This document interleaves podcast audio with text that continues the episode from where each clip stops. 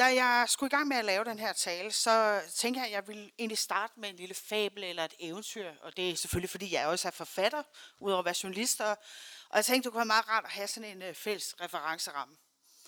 Og min idé, det var, at jeg ville øh, gerne starte med sådan en lille eventyr eller en fabel, som øh, vi alle sammen kender, som handler om det der med at rejse sig op i skolegården og, og sige nej til mobning. Sige, nu stopper det. Uh, nu holder vi op øh, og at der findes en historie, som øh, handler om, at man ikke underlægger sig den her regel om, at øh, de svage skal kanøfles af de stærke i flokken altid.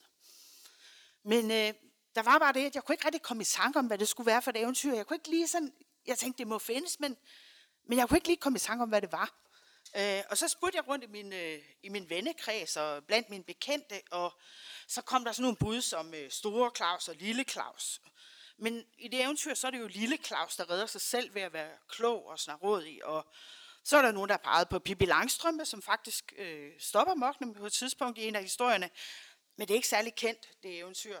Øh, og øh, i Ulund Kirkegaards Gummitarsan, så er det jo Ivan selv, der redder sig fra mobberne ved at bruge magi i løbet af en enkelt dag. Så tænkte jeg, at jeg kan også kigge uden for Danmarks grænser. Jeg kiggede mod Esops øh, fornemme fabler. Men der var heller ikke rigtig nogen af de kendte historier der, som havde den morale.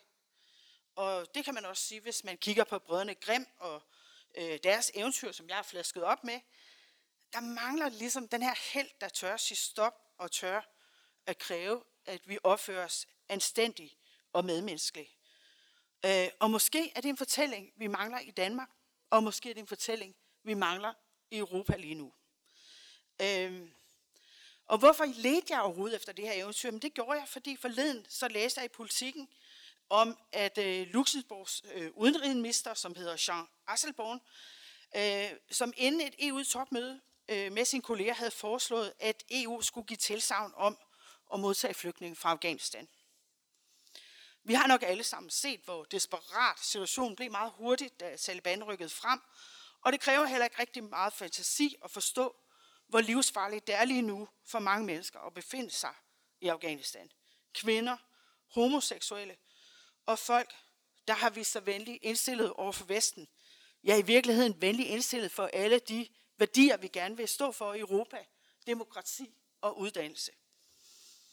Øh, det var i hvert fald sådan, Asselborn han havde læst situationen, og han havde også kritiseret flere af sine kolleger, der allerede inden mødet havde gjort det klart, at de som lande ikke var parat til at tage imod flere flygtninge.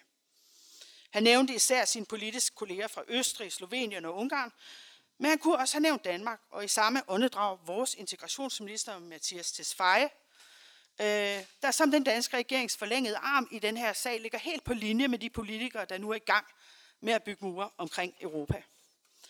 Jean Asselborn var klar i mailet, da han sagde fra, og han opfordrede sine europæiske kolleger til at gøre det samme. Og nu citerer jeg her fra politikken. Han sagde, jeg håber, at der vil være modstand over for herr Kurti Østrig og herr Jansa fra Slovenien, der begge er i klar og ubønhørlig samklang med Orbán, Salvina og Le Pen. I denne ekstremt dramatiske situation fralægger de sig et hver menneskelig solidaritet med forfulgte mennesker fra Afghanistan. Og så kommer vi til kernen, det som det hele handler om, for han fortsætter. Og dermed mister de også hele kvaliteten ved at være europæer hele kvaliteten ved at være europæer. Hvad vil det sige at være europæer? Mange af de politikere, der lige nu advokerer for at bygge mure og, og bruge den øh, pæne eufemisme om at hjælpe i nærområderne, de vil sige, at de er jo netop i gang med at beskytte de europæiske værdier.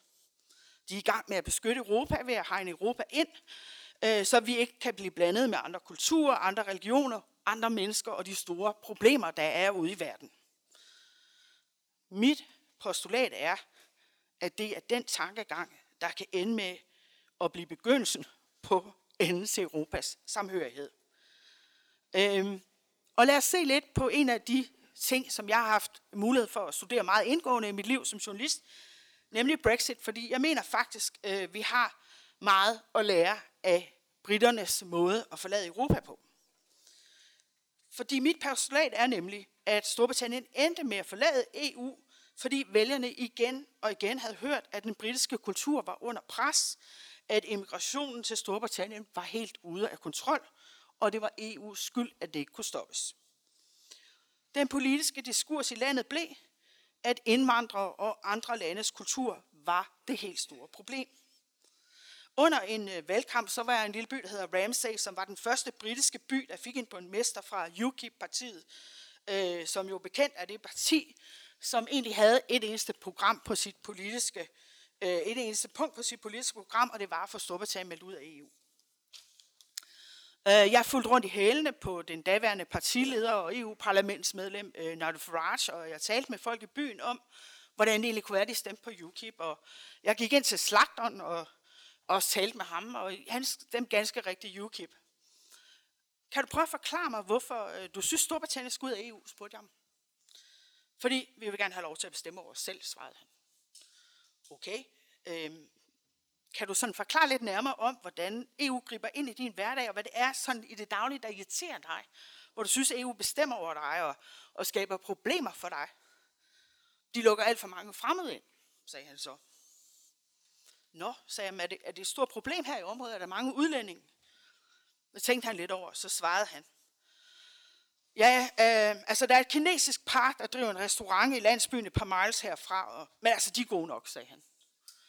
Og, og jeg hæftede mig ved den her samtale, fordi den for mig på en eller anden måde er den fuldkommende illustration af, at hvis vi får noget at vide længe nok af vores politikere og meningsstandere, så kan det godt ende med at blive virkelighed. Vi begynder at tro, at sådan er det, selvom samtidig kan vi mærke noget helt andet på vores egen krop og i vores eget liv. Det er klart, at der er mange og komplekse grunde til, at britterne stemte Brexit i sidste ende og valgte at forlade EU. Men en af hovedårsagerne var frygten for, at landet ville blive løbet over ende af udlændinge. Jeg har holdt en hel del foredrag, hvor jeg forsøger at trække de historiske linjer op og forklare, hvorfor britterne endte i den situation. Og folk bliver som regel overrasket, når jeg siger, at det ikke alene var David Cameron, der var skyld i, at Storbritannien ikke længere er en del af unionen. En af de politikere, der også spillede en væsentlig rolle, da han blev premierminister, var Tony Blair. Og det bliver de fleste overrasket over, fordi Tony Blair han fremstår som en super europæer. Og da han tiltrådte, så sagde han, at øh, Storbritannien skal være hjertet af Europa. Så hvordan kunne han være med til at få Storbritannien meldt ud i sidste ende? Jo, det skal jeg sige. Da det nye optag af medlemsland fra Østeuropa var en realitet i 2004, øh, og jo så også dermed øh, blev østeuropæiske lande en del af øh, aftalen om arbejdskraftens fri bevægelighed, så var der mange lande, der sagde, lad os lige tage det lidt roligt, lad os lige få en overgangsordning, øh, hvor vi stille og roligt øh, prøver at absorbere den her nye arbejdskraft. Men det gjorde Tony ikke. Han sagde tværtimod, at øh, de var velkomne til at komme. Han vurderede, at Storbritannien havde brug for arbejdskraften, så I kommer bare, sagde han. Og man kan senere se af rapporter fra det britiske indrigsministerium, som er dem, der har med immigration at gøre, at man vurderede, at der ville måske komme sådan cirka 125.000 polakker til Storbritannien. Der kommer over en million. Og det var sådan set ikke, fordi der ikke var arbejde til dem, men problemet var, at infrastrukturen ikke fulgte med. Øh, nogle år efter, at øh, der var blevet åbnet op, så besøgte jeg sådan en mellemstor by, der hedder Boston, der ligger i Lincolnshire. Øh, og øh, der stod det klart, at der var noget, der var gået galt. Det er sådan en by, der er omgivet af landbrug og marker, og øh, det havde tiltrukket tusindvis af østeuropæere, der kom for at arbejde. Øh, og når jeg talte med byen, folk i byen, så var det sådan set ikke fordi, at de i udgangspunkt havde et problem med, at der kom tilrejsende arbejdskraft for at høste deres blomkål og deres roer og hvad de ellers havde. Men presset på faciliteterne, der var i byen, blev alt for stort. Folks oplevelse var, at nu skulle de vente tre uger for at få en tid hos lægen. At de ikke kunne skrive deres børn ind i den skole, hvor deres søstre gik, fordi klasserne var fyldt op med polske børn. Det skabte frustrationer. Derfor nogen moksede til modvilje, og senere til en tro på, at den eneste løsning på det her problem var Brexit, frem for flere skoler og lærere i området. Og hvor er Storbritannien i dag? Mange af de europæere, der rejste ud efter Brexit, mangler nu i den grad på arbejdsmarkedet. Hylderne er tomme i nogle af supermarkederne, og på McDonald's kan man ikke længere få milkshake. Der mangler 16.000 chauffører i transportbranchen til at bringe varer ud. I landbruget har man mange steder måttet se jordbær og andre frugter og grøntsager rådne på markerne. Den uheldige kombination af corona og Brexit har gjort det meget svært at finde ledige hænder til at plukke og høste. Og selv ikke en stor stilet kampagne ved navn Pick for Britain, øh, der har skulle få frivillige til at give en hånd, har kunne afværge en situation, der i bund og grund er affødt af, at britiske politikere i overvis har fodret deres vælgere med det budskab, at Storbritannien ved at signe under presset fra europæiske gæstearbejdere, og det er EU's skyld. Vi er nødt til at lære af Storbritannien, mener jeg. Ellers risikerer vi meget snart, at EU bliver sprængt i atomer øh, til nationalistiske enheder, hvor hvert land er sig selv nærmest, og vi ikke længere kan huske, hvad der binder os sammen. Øh, og lad os bare være realistiske og indrømme, ja, Danmark blev ikke medlem i 1973 på grund af en større, et større europæisk projekt. Vi gjorde det, fordi det gav mening for handelsbalancen. Men nu er vi her, og vi må tage vores ansvar for at være med til at forme det Europa, vi har i dag. Og hvad er så den europæiske fortælling? Er vi en samling lande med et humanistisk grundsyn, hvor vi sætter menneskerettighederne i højsædet? Eller er vi en klub af stadig mere nationalistiske stater, der er nok i os selv, og hvor EU og møderne i Bruxelles i stigende grad ses som indrigspolitiske spillebrikker, hvor man kan score billige point derhjemme? Det er en fælles fortælling, der er under pres i de her år. Hvis alle kommer til bordet med den attitude, at det gælder om at få problemerne sået af på de andre, ikke at løse dem i fællesskab, jamen så er det svært at se en lys fremtid for Europa. Som lille nation er det oplagt for Danmark, at vi kan batte meget mere i en større sammenhæng, og det har længe været en del af den danske selvforståelse. Men vi har også i de senere år måtte erkende, at forestillingen om, at EU kan træde til for at løse alle internationale problemer, måske stadig i mange tilfælde er en drøm mere end det er realitet. Finanskrisen i 1907-9, flygtningekrisen i kølvandet på krigen i Syrien er eksempler på, at EU er måske rigtig god til at sende direktiver ud, men ikke altid er givet til at håndtere de helt store problemer. Og vi kan også stå med oplevelsen af, at EU er handlingslammet, når det gælder. Øh, ingen havde, da EU bestiftede, fantasi til at forestille sig, at medlemslande aktivt øh, kunne tage skridt til at afmontere dele af demokratiet. Det er ikke desto mindre sket i eksempelvis Polen og Ungarn, og vi har ikke rigtig opfundet nogen regler, der kan håndtere de problemer, at medlemslandene ikke er længere på nogenlunde samme side i den bog, der hedder, hvordan man driver et demokratisk samfund. Så jeg forstår godt de mennesker, der mener, at EU skuffer, når det virkelig tæller. Til dem vil jeg sige, EU er aldrig bedre eller værre end summen af sine regeringsledere. Selvom vi holder af fortællingen om Bruxelles som det her store selvstændige apparat, øh, så er det i sidste ende vores regeringsledere, der er med til at forme, hvad EU kan og hvad EU vil. Når Danmarks integrationsminister Mathias Tesfaye rejser til Bruxelles og priser sine kolleger for at bygge en mur omkring Europa, så er han med til at forme, hvordan EU reagerer nu på den seneste flygtningekrise i Afghanistan. Og nu kommer det svære. Det er os, der er nødt til at tage os sammen. Vi er som befolkning nødt til at sige fra over for vores politikere. Vi er nødt til at bede vores politikere om at sige fra. Vi er nødt til at blive det barn i skolegården, der siger, nu er det nok. Vi kan ikke blive ved med at iscenesætte andre nationer som problemer. Vi kan ikke blive ved med at fortælle vores befolkninger og civilbefolkninger, der flygter fra nød og krig, af pestilenser, som man bør undgå for alt i verden. De mennesker i nød. En dag kunne det være os selv. I sidste uge så forsøgte jeg at hjælpe en 22-årig afghaner, der var IT-studerende og homoseksuel. Han så sin kæreste blive banket ihjel af Taliban, mens han selv gemte sig på loftet, og det lykkedes ham senere at flygte.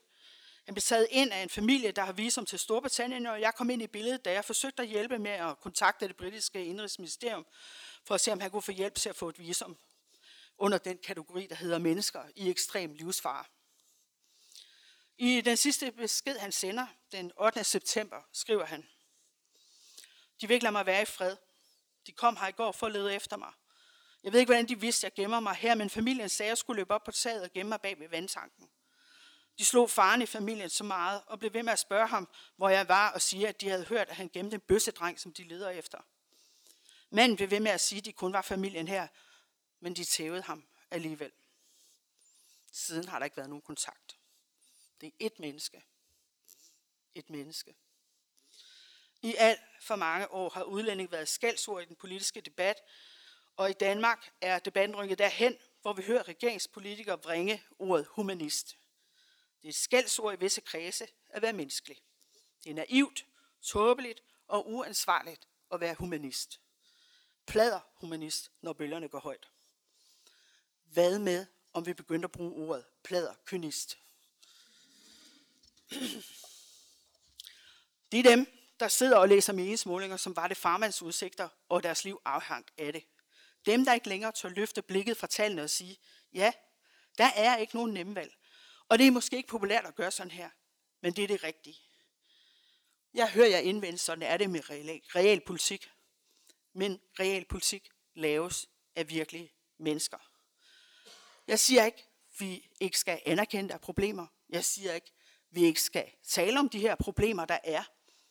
Jeg siger bare med et citat fra den øh, italienske forfatter Umberto Eco, at på et hvert indviklet problem er der som regel en meget simpel løsning, og den er næsten altid forkert. øhm, lad os som vælger hoppe, hæppe på de borgere og de politikere, der tør søge nuancerne, uanset hvad for en fløj de befinder sig på. Dem, der tør at finde løsninger, selvom de er komplekse og svære, og lad være med hele tiden at bilde deres vælgere ind, at alt, hvad de mangler, alt, hvad der er gået galt i det her liv, skyldes udlændinge. Det er der ikke noget belæg for, men det er en bekvem syndebuk. Er det vores egen kultur, vi frygter for? Dansk kultur har overlevet i tusind år og er i strålende form. Vi sælger bøger, film, kunst og dansk kultur i lange baner til udlandet. Jeg forstår personligt ikke, hvor opfattelsen er fra, at vi skulle have at gøre med en svale gammel dame, der er ved at balde bagover med et vindpust kommer fra. Dansk kultur er stærk og levedygtig, og det har den altid været. Er det vores demokratiske tradition, der er under pres? Det er den muligvis, når regeringstalsmanden på udlændingområdet sætter spørgsmålstegn ved, om man overhovedet kan stole på Amnesty International, fordi det ikke passer ind i hans politiske kram. Når man mørklægger journalisters adgang til agtindsigt, så er der plads til forbedring. Det medgiver jeg. Men det starter hos os. Det starter med, at vi tør være den, der rejser sig op i skolegården og siger, at vi stopper det her nu. Fra nu af omtaler vi andre mennesker med respekt, ikke som problemer. Vi kan ikke tage imod hele verden, og vi kan ikke løse hele verdens problemer i Danmark alene. Vi kan ikke hjælpe alle alene, men vi kan hjælpe nogen. Og vi er nødt til at prøve. Og det sker ved at samarbejde og tage ansvar og finde løsninger i fælles europæisk regi. At være humanister. For hvis vi ikke har vores menneskelighed med, vores, med et lidt gammeldags ord, solidaritet, som Luxembourg Jean Asselborn kalder det tilbage, jamen hvad er det så egentlig, vi er i gang med at forsvare i Danmark og i Europa? Eller jeg kunne da sætte sagen mere på spidsen. Hvad vil man med magt, hvis man ikke vil forandre verden til det bedre?